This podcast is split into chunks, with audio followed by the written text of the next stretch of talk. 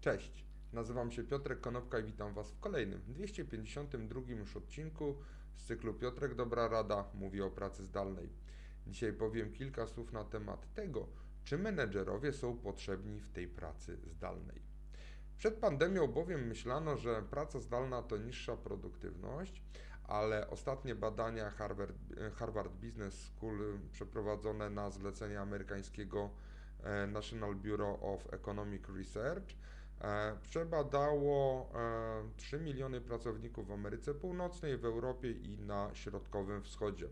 I się okazało, że pracownicy pracując zdalnie pracują dodatkowe 50 minut dziennie, uczestniczą w 13% większej liczbie spotkań, ale te spotkania są, e, zajmują im 11% mniej czasu, czyli więcej spotkań, te spotkania są krótsze, ale pracujemy o 50 minut dłużej. I w związku z tym ten cały świat wirtualny i to, co się aktualnie dzieje, stawia przed firmami i menedżerami e, następujące pytania. W ogóle jak monitorować postęp pracy pracowników, jak motywować tych pracowników, jak stworzyć poczucie tego, że pracuje się w ramach jednego zespołu, jednej firmy, kiedy każdy z nas siedzi samotnie przy monitorze komputera. Pojawia się pytanie, jak budować zaufanie i jak oceniać wydajność i efektywność każdego z pracowników.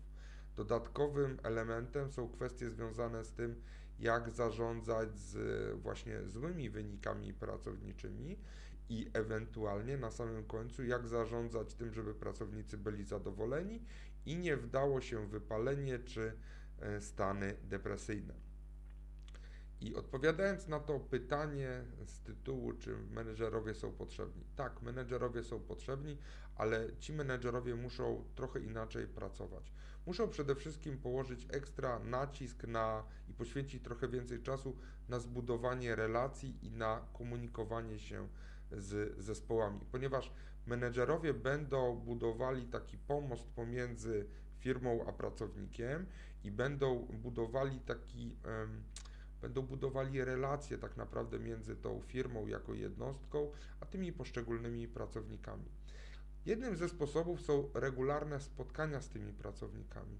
W Trello, Trello jest to jedno, jedna z firm, która jako, e, którą można określić mianem remote first, to w Trello na przykład menedżerowie mają takie spotkania co najmniej co dwa dni, a czasami częściej z każdym z pracowników.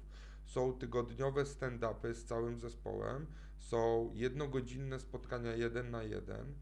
Co miesiąc pracownik ma spotkanie jeden na jeden z przełożonym swojego bezpośredniego szefa i oczywiście pojawiają się inne spotkania czy inne relacje, zarówno formalne, jak i nieformalne. Pojawiają się również takie pytania, że, e, czy takie sugestie, jak na przykład od założycieli firmy Basecamp, że należy ograniczyć coś, co oni określają mianem MNM, czyli Meetings and Managers.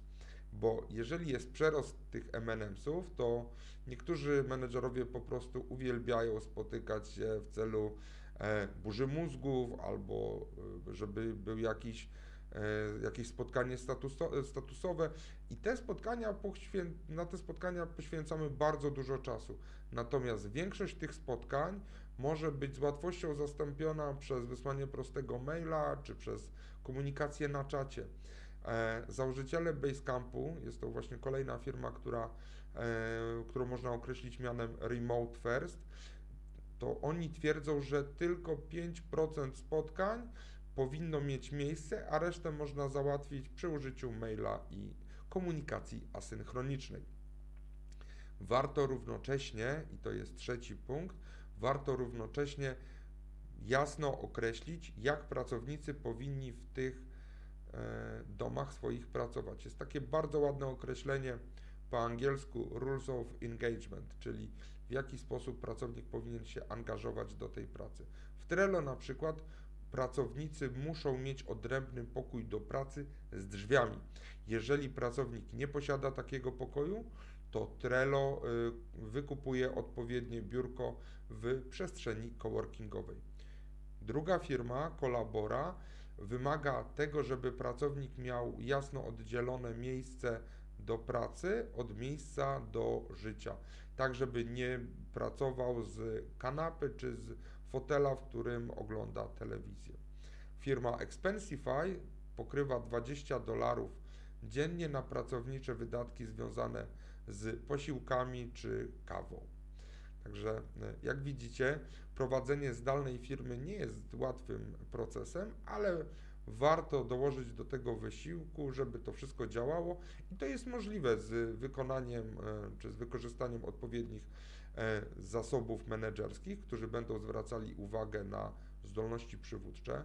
Warto mieć wdrożone odpowiednie praktyki związane z zatrudnianiem, odpowiednie systemy i procesy i co najważniejsze rytuały.